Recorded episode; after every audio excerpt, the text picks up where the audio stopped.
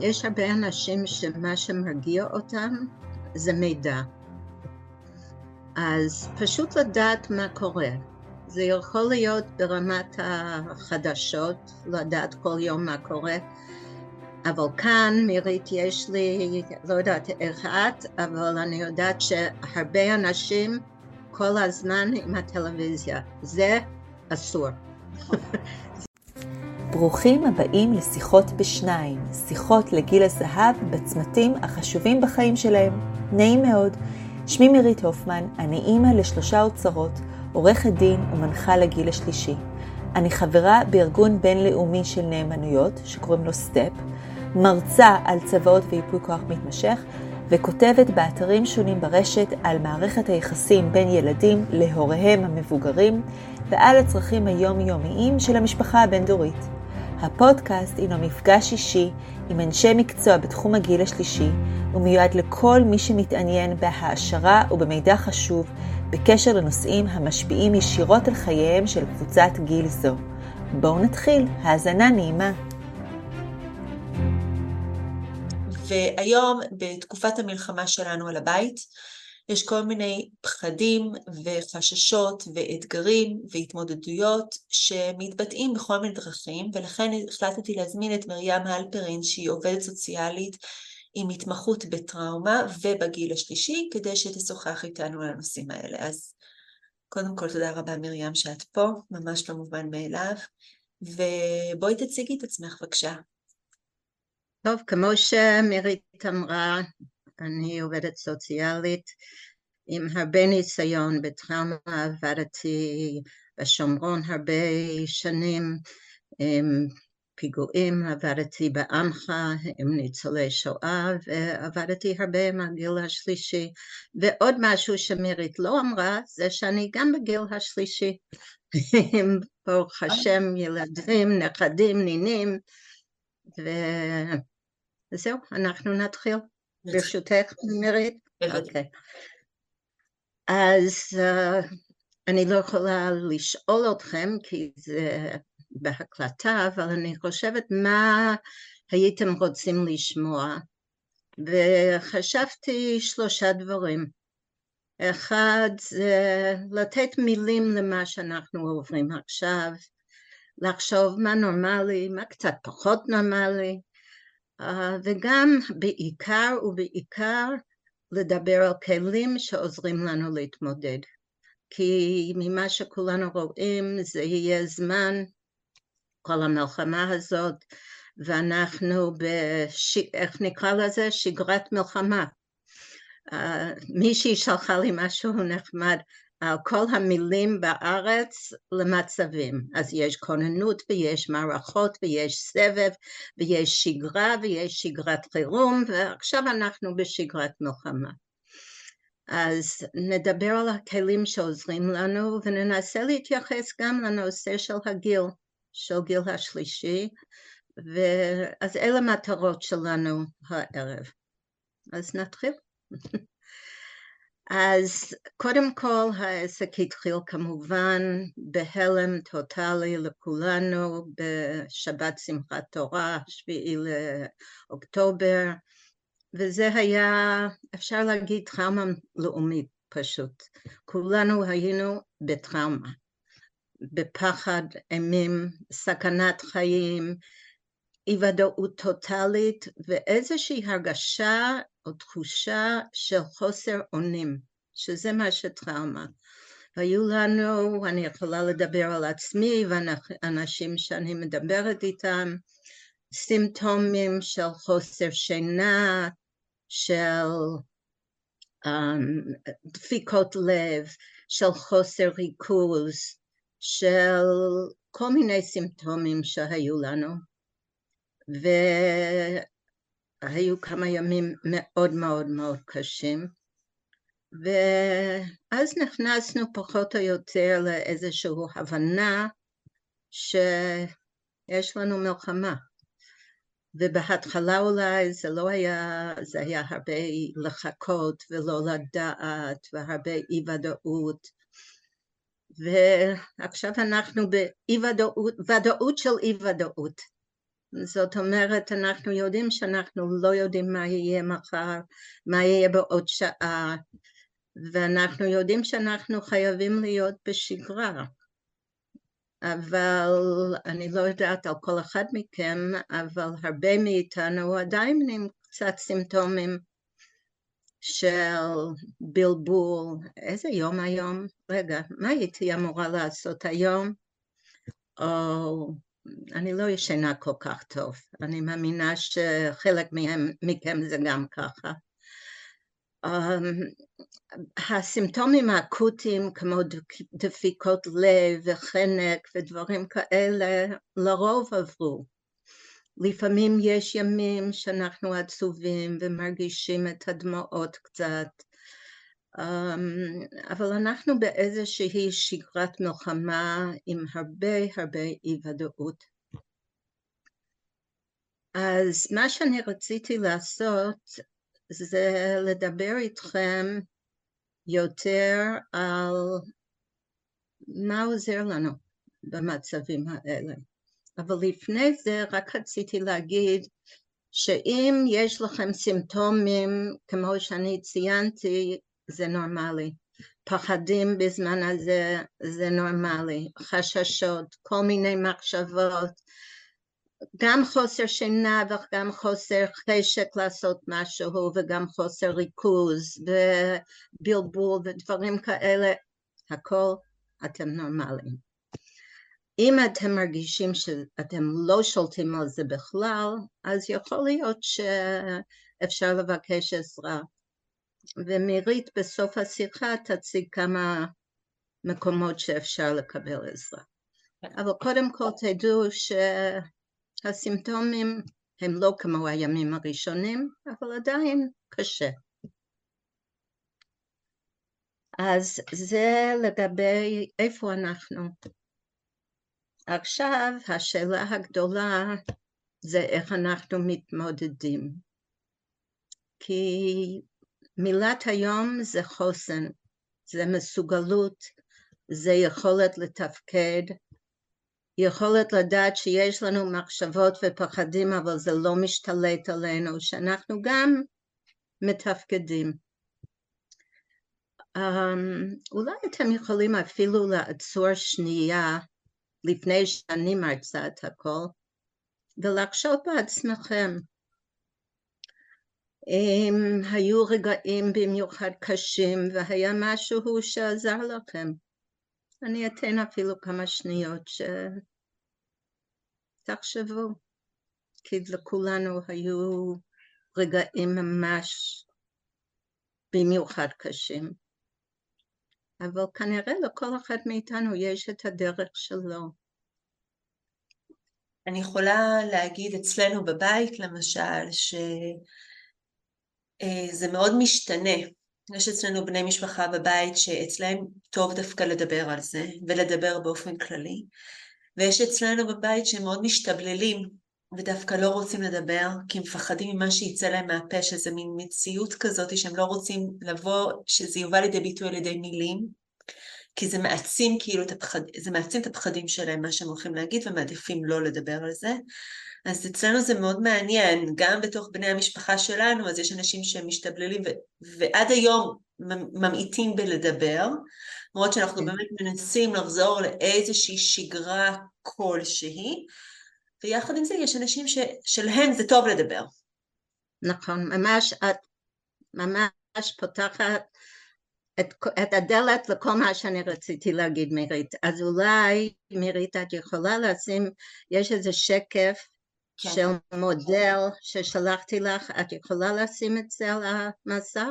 הנה, שמתי. יופי.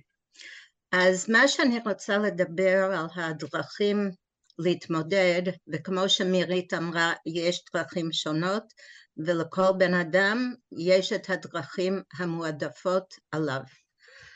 הקושי הוא לפעמים לכבד את הדרכים של השני, אבל זה גם נדבר. עכשיו, המודל שאני מדברת אליו זה מודל שכבר הרבה שנים, אני לא זוכרת את השנים, שהיו את כל רקטות על קריית שמונה, אז היה קסאמים, ומישהו, פרופסור מולי להד ודוקטור עופרה איילון מקריית שמונה פיתחו מודל שעד היום אנחנו משתמשים בו. והמודל הזה נקרא גשר מאחד. וכפי שאתם רואים בשקף, גשר מאחד, המילה, האות הראשונה של כמה מילים. גשר זה גוף, השין זה שכל, הרש זה רגש, משפחה, אמונה, חברה ודמיון.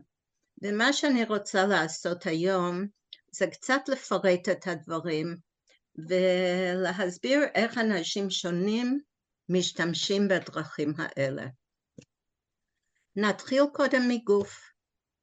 אז אתם שואלים, מה, מה גוף יכול לעזור לנו? אז גוף זה סממן של כמה דברים. אחד זה פעילות פיזית. פעילות פיזית זה יכולה להיות התעמלות, זה יכולה ללכ, להיות ללכת, זה יכולה להיות לשחות, זה יכול להיות ללכת להתעמלות, וזה יכול להיות גם פעילות פיזית בבית. זה יכול להיות, אני זוכרת פעם דיברתי עם קבוצה ואחת אמרה לי, אני כל היום מנקה וזה עוזר לי להתמודד. או אני מתנדבת, אני, אני הולכת למקומות ואני עוזרת לאנשים וזה עוזר לי.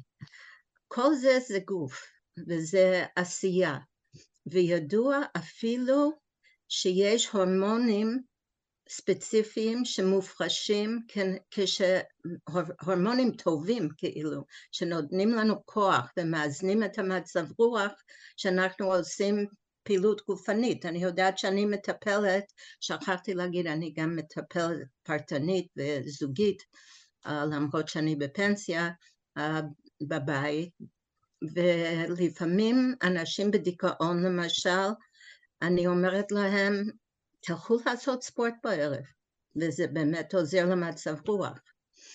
אז הפעילות הפיזית הזאת זה גוף.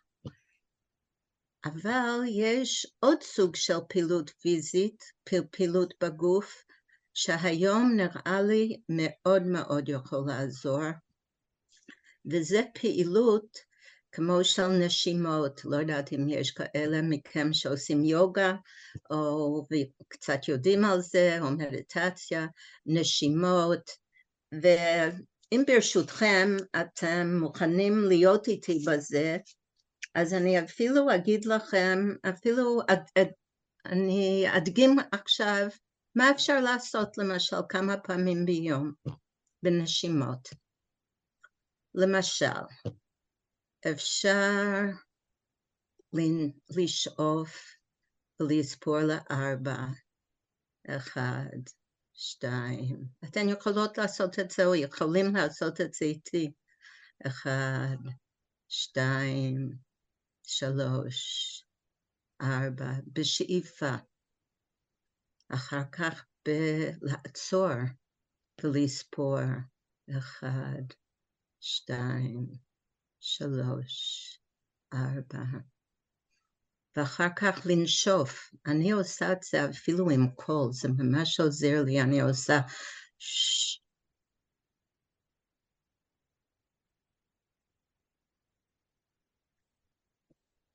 ובזמנים כאלה מוצאים שאם אנחנו אחרי הנשימות יכולים להמציא איזה משפט ממש טוב, כמו, לא כל אחד עם המשפטים שלו, זה גם כן יכול להוסיף לנשימות. אני עשיתי קבוצה השבוע ושמעתי כל מיני משפטים כמו, um, יש לי משפחה אוהבת, או אני בבית מרגיש, מרגיש um, מוגן, או עם ישראל חי, או צה"ל עכשיו יודע מה הוא עושה. כל מיני דברים כאלה שגם כן יחד עם הנשימה להגיד איזשהו משפט שמרגיע. אל תחשבו שאני משוגעת או משהו, אבל יש עוד משהו מאוד טוב בנשימות בפיזי, וזה לא רואים אותי כל כך, אבל קוראים לזה פרפר. כן, החיבוק הפרפר, נכון. את מכירה מירית? כן, כן.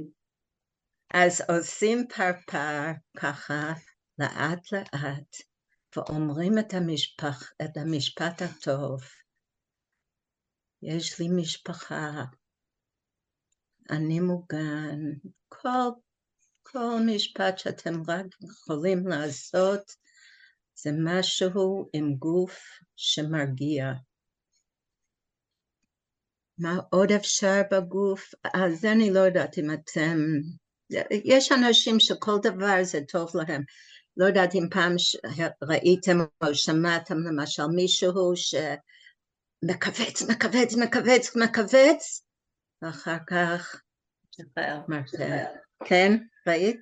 כן. אז עושים את זה כל יד לחוד, כל רגל לחוד, כל דבר, יש המון היום ביוטיובים על, גם על מדיטציה וגם על נשימות וגם על כל הדברים האלה תוכלו למצוא וכל זה רק עושה הורמונים טובים של מצב רוח ואיזון במתח, אז זה דרך ממש ממליצה. אחר כך אנחנו מגיעים לשכל, אתם אומרים, מה, מה יש לשכל לתרום? אז שכל יכול להיות המון דברים. שכל יכול להיות, יש הרבה אנשים שמה שמרגיע אותם זה מידע. אז פשוט לדעת מה קורה. זה יכול להיות ברמת החדשות, לדעת כל יום מה קורה, אבל כאן, מירית, יש לי, לא יודעת איך את, אבל אני יודעת שהרבה אנשים כל הזמן עם הטלוויזיה. זה אסור. נכון. זה, מה? זה ברור? זה, צריך לתחום את זה, צריך לתחום את זה, שזה לא יהיה 24-7. זה לא, יש אשליה, אני יודעת שיש אשליה שככל שאתה צופה יותר בחדשות אתה כאילו שולט יותר בעניינים, אבל זה לא נכון בכלל. עדיף נכון. לעשות, לקחת יומה, אה, כמה ימים, כמה שעות או כמה, כאילו, זמנים ביום, לצפות, ובכל השאר לנסות להתנתק. נכון. יש אפילו היום אפליקציות של קיצור חדשות, שיש להם שלוש פעמים ביום uh, את החדשות, ולא צריך כל היום להסתכל. אז קודם כל מידע, אבל מידע יכול להיות למשל אם יש מישהו, לכולנו כמעט יש מישהו מגויס במשפחה, וזה לקבל איזה מידע שאפשר. אני מצלצלת לילדים שלי מה קורה עם הילדים. חלק יודעים וחלק כבר לקחו טלפונים ולא יודעים, אבל גם זה מרגיע אותי לדעת שקיבלו איזושהי דרישת שלום. אז זה גם מידע, לדעת מידע. יש הרבה עוד דברים שאפשר להיות עם השכל. כל יום לעשות איזשהו סדר עדיפויות. אני לא מספיקה כמו שהספקתי פעם. לא יודעת עליכם, אבל אני פחות יעילה. ולהגיד היום חשוב לי לעשות א', ב', ג', ד', ואת אלה אני אנסה להספיק. כל היתר, או שכן או שלא. ונהיה קצת uh, עם חמלה לעצמנו. אז זה גם שכל, כי אנחנו צריכים להבין מה אנחנו יכולים, מה אנחנו לא יכולים. אומרים כאן חשיבה חיובית, זה קשה לפעמים היום עם חשיבה חיובית, אמ, אבל אפשר לתרגל את זה. אני יודעת, אתמול בערב דיברתי עם, עם אישה של נכד שהוא מגויס, אז פשוט אמרתי לה, אני כבר מדמיינת את היום שהוא חוזר בריא ושלם הביתה. וזה כל כך עשה לה טוב, שמישהו אפילו יכול לחשוב על יום כזה. אז חשיבה חיובית, um, ולקבל החלטות, זה הכל שכל, להגיד היום אני נוסעת. היום אני אפילו אצא לקניון לקנות משהו. זה לקבל החלטות יומיומיות, שזה בימים אלה, זה חוסן, זה פשוט חוסן. אמ, אני מציעה עוד משהו בשכל, וזה שאתם תרשמו את כל המחשבות שלכם שמעסיקים אתכם, ותתפלאו לדעת שחלק מכם אין לנו שום שליטה, שום שליטה. מתי תיגמר המלחמה? אנחנו לא יודעים. מתי הבן שלי יחזור להתרעננות? אין לנו שום שליטה. Um, יש כל כך הרבה דברים שאין לנו שליטה עליהם שמעסיקים אותנו, אנחנו חושבים וחושבים וחושבים. אם אתם יכולים לעשות רשימה של כל הדברים שמעסיקים אתכם, ולעשות איזה עיגול, בפנים לרשום את כל הדברים שיש לי השפעה עליהם. איך אני אעבור את היום? יש לי השפעה. איך אני דואגת, דואג או דואגת שהממד שלי בסדר? יש לי השפעה. מתי המלחמה תיגמר? זה מחוץ למעגל. וזה תרגול ככה כל יום להסתכל על המעגל ולהגיד מה שיש לי השפעה, זה אני עושה. מה שאין לי, אני נותנת לו כמה דקות ביום לדאוג ולחשוב על זה, אבל לא כל הזמן. אז זה תרגול וזה קשה, אבל זה שכל שלנו שברוך השם אנחנו מחוננים איתו, ואפשר לנסות כמה שיותר. מירי צוחקת כי זה קשה מאוד. אני לא צוחקת, אני חושבת פשוט בראש, אני גם עושה את זה, אני חושבת ש... ככל שמתמקדים דווקא בדברים שיש לנו עליהם שליטה, ככל שאנחנו משתדלים להתמקד בדברים שעליהם יש לנו שליטה, הדברים האלה, הרשימה הזאת גדלה. כי ככה זה כשמתמקדים במשהו, זה גדל. אז אם נכון. אפשר להגדיל את הדברים שיש לנו בהם שליטה, ו...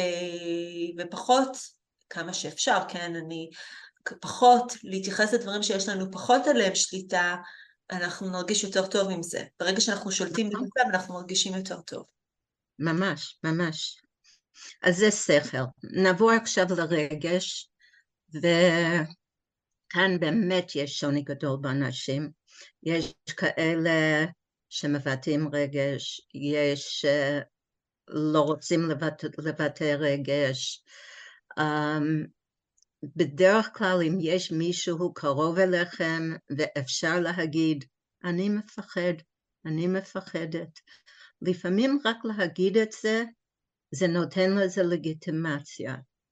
אבל יש דרכים נוספות גם כן להביע רגש.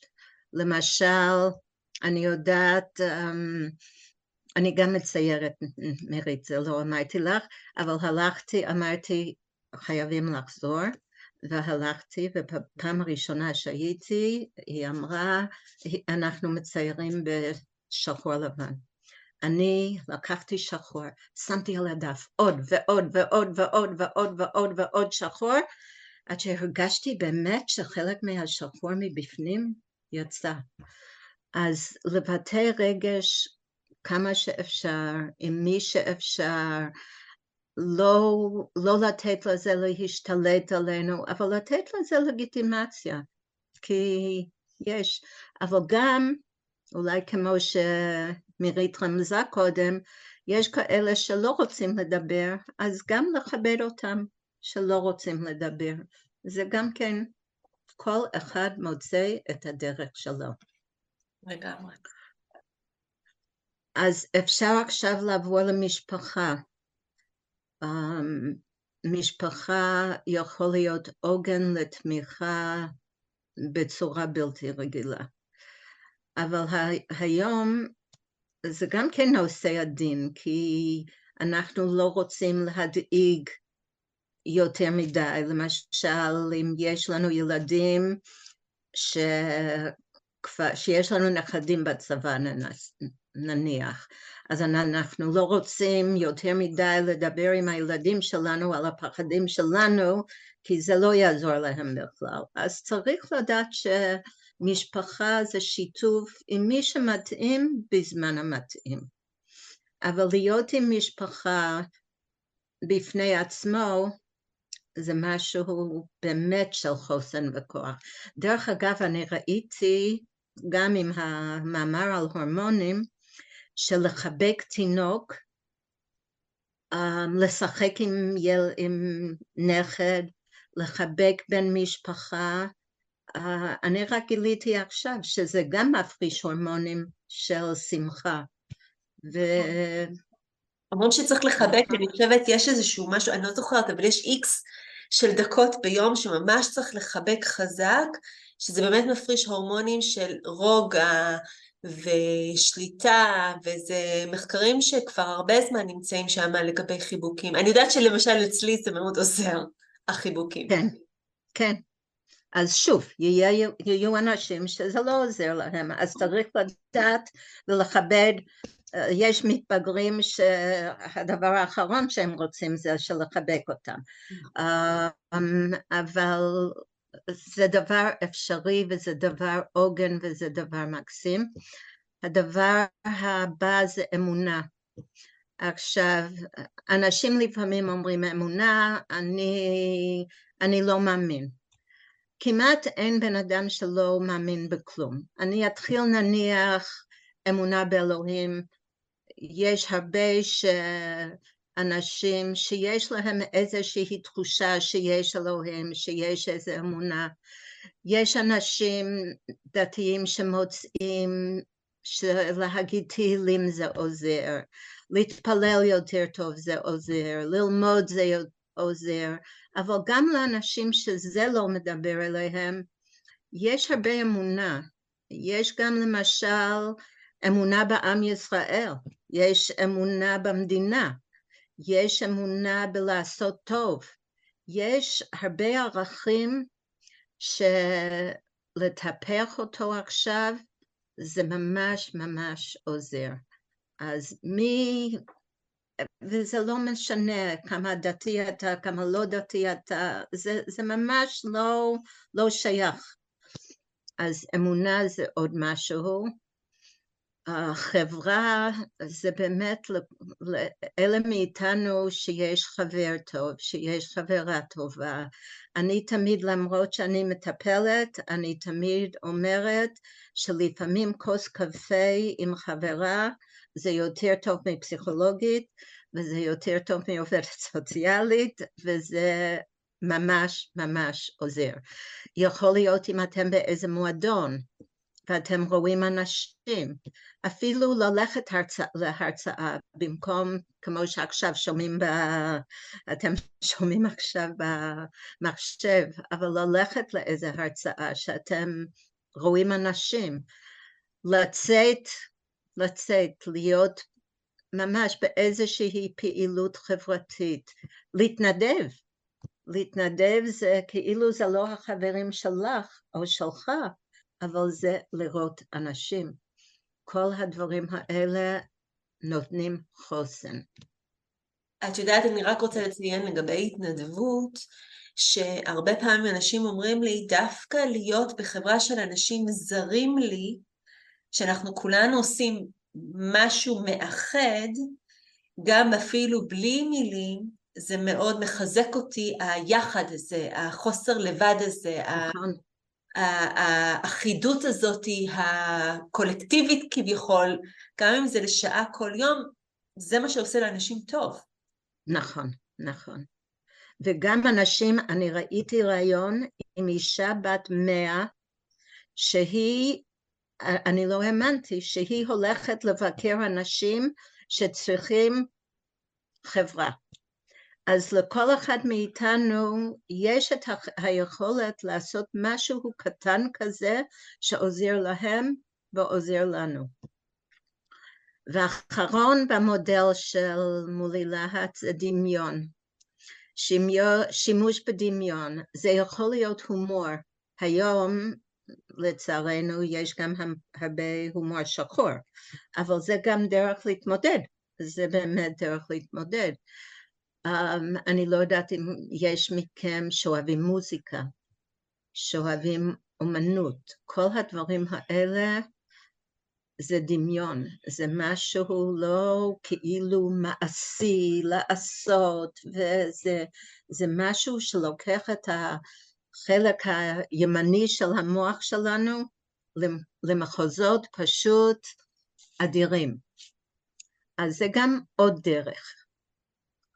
אבל כמו שמירית רמזה בהתחלה ואני אדגיש עכשיו, זה כל אחד צריך למצוא את מה שטוב לו.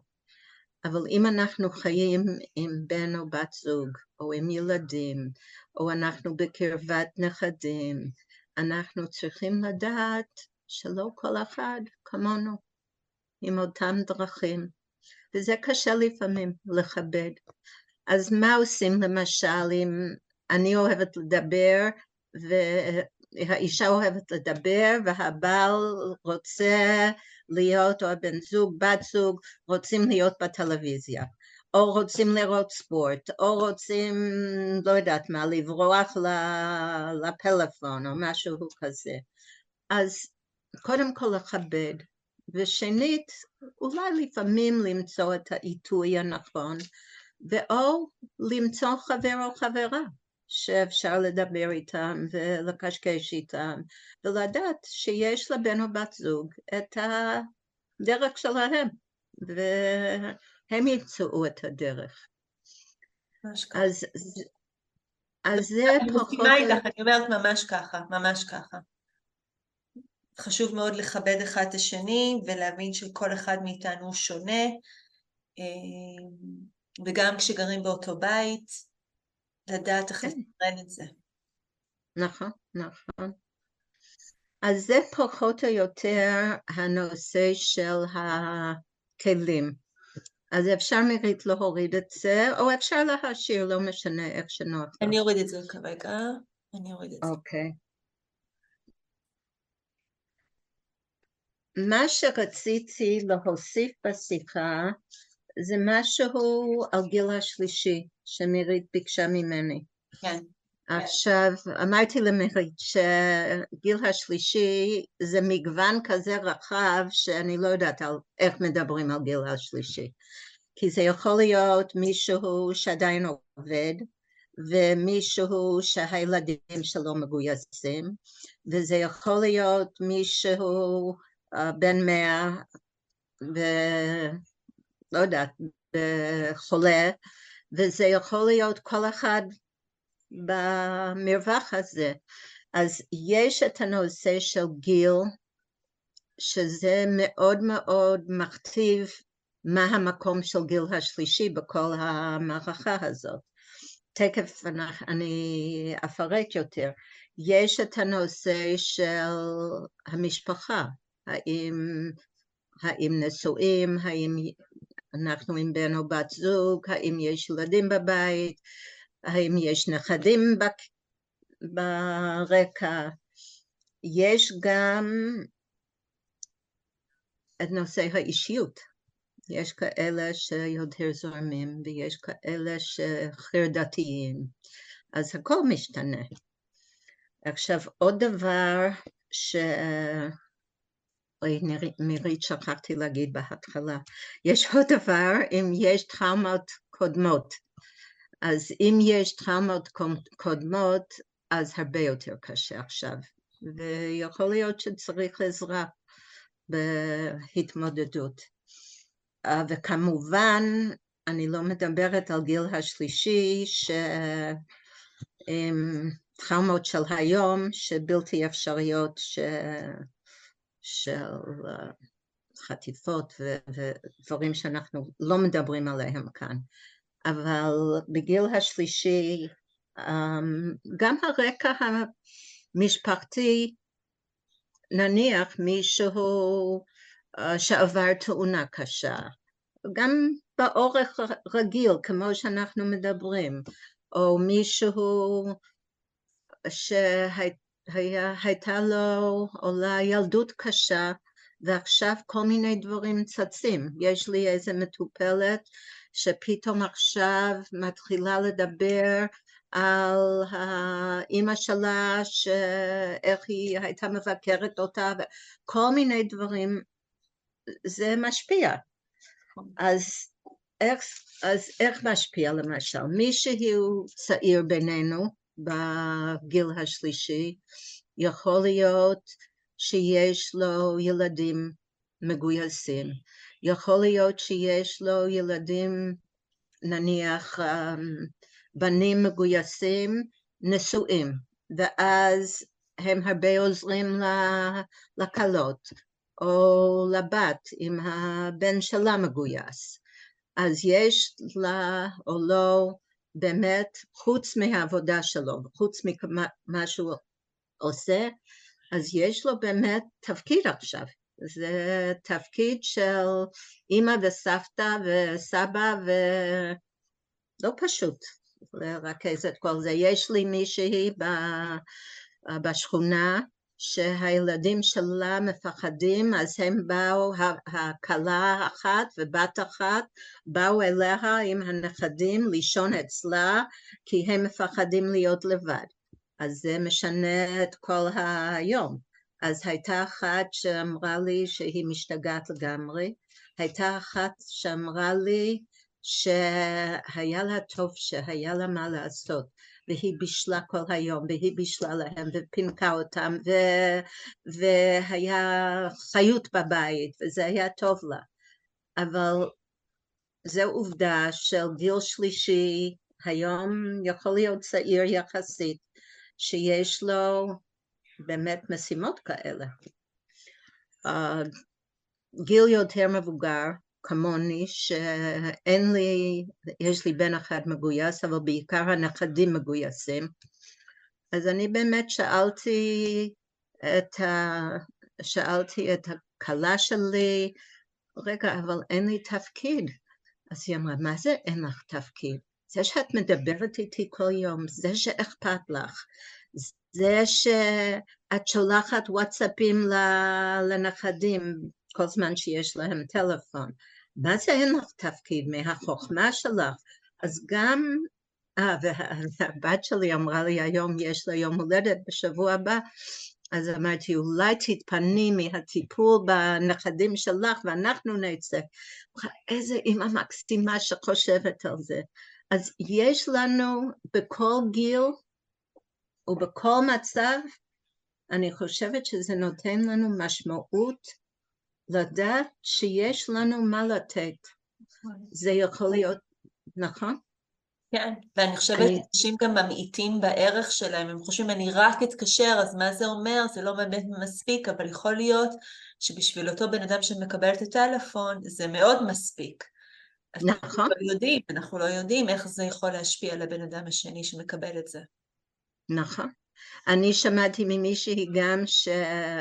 הנכד מגויס ונכנס לעזה, ולפני שהוא נכנס היא שלחה לו וואטסאפ ואמרה שאתה חוזר, הוא לא אוכל גלוטן. אז היא כתבה לו וואטסאפ שאתה חוזר, אני עושה לך ארוחה הכי הכי הכי בלי גלוטן. והוא שמח, וזה פשוט, עם, הוא, הם שולחים עם כל הלבבות הילדים, עם כל הסימנים האלה. כן, כן. אז, אז אפילו לעשות את זה, או אני למשל מצלצלת לנשים של הנכדים המגויסים. פשוט זה דברים קטנים שכל אחד ממנו, אם אין תפקיד ספציפי במשפחה, קודם כל ברור שמישהו שאין לו תפקיד יכול גם להתנדב.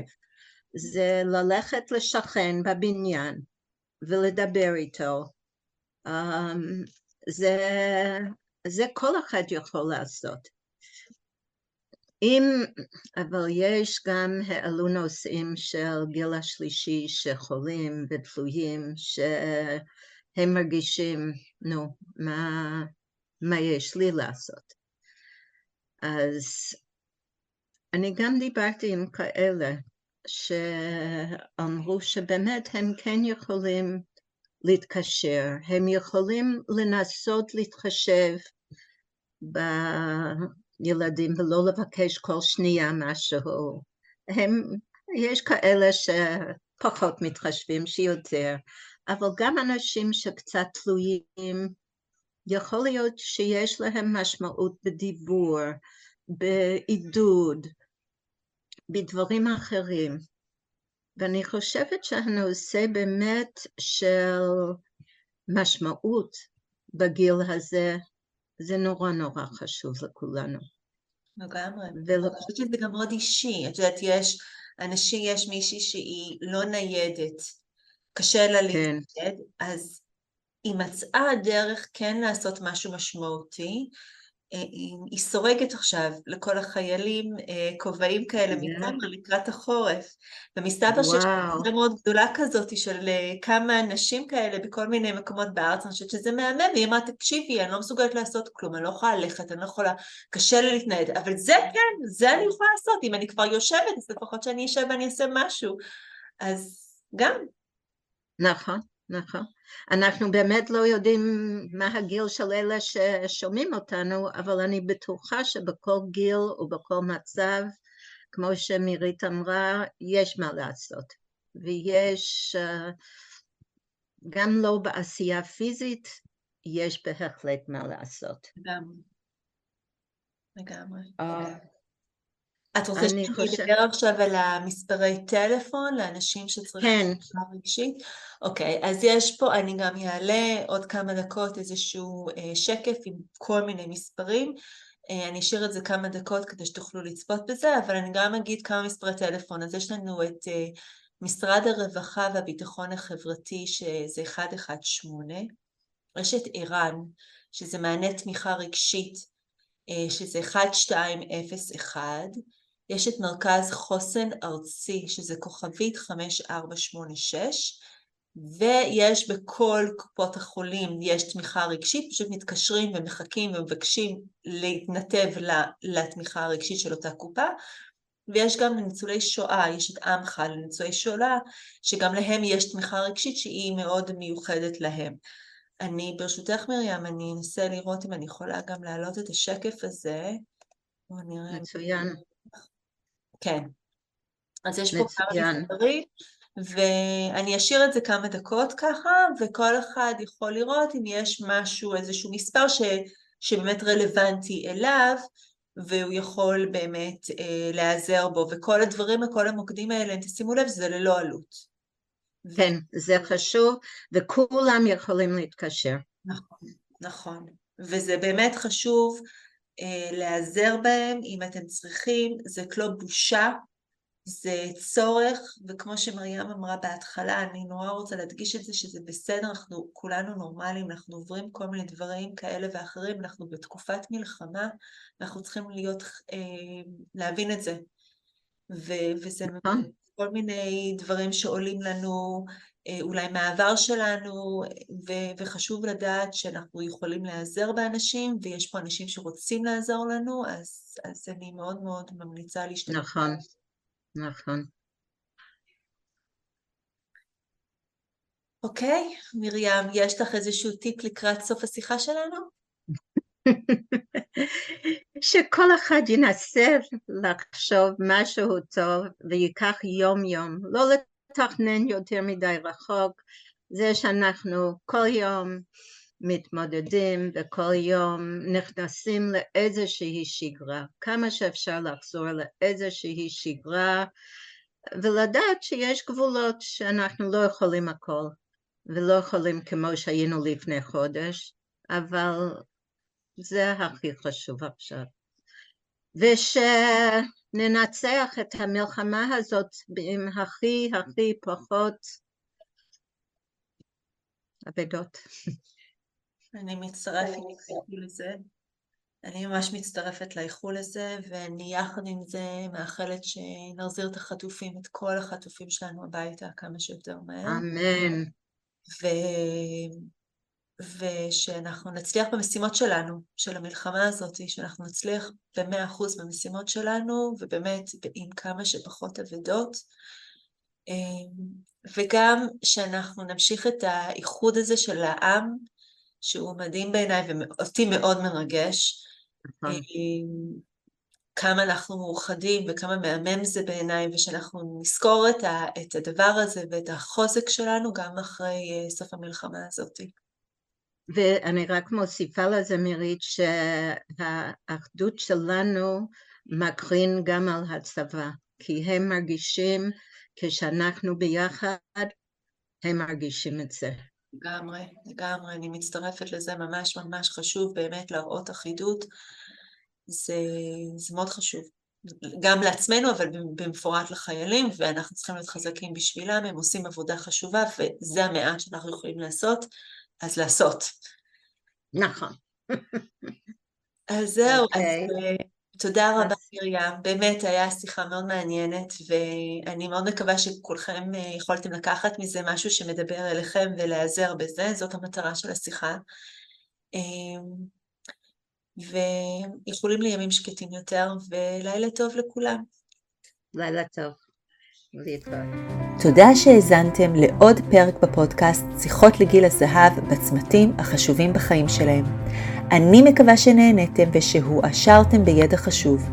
אל תשכחו להקליק על follow או subscribe כדי שתוכלו להתעדכן בפודקאסטים הבאים, וכמובן תשתפו הלאה ותזמינו חברים להאזין כדי שגם הם יוכלו ליהנות מהשיח כאן. אתם גם מוזמנים לבקר באתר שלי www.lawmirit.com ולעקוב אחריי בפייסבוק למידע נוסף ולידע משפטי בנוגע להעברה בין-דורית ולצרכים השונים של אוכלוסיית הגיל השלישי. אני כבר מחכה לכם עם הקפה בפודקאסט הבא.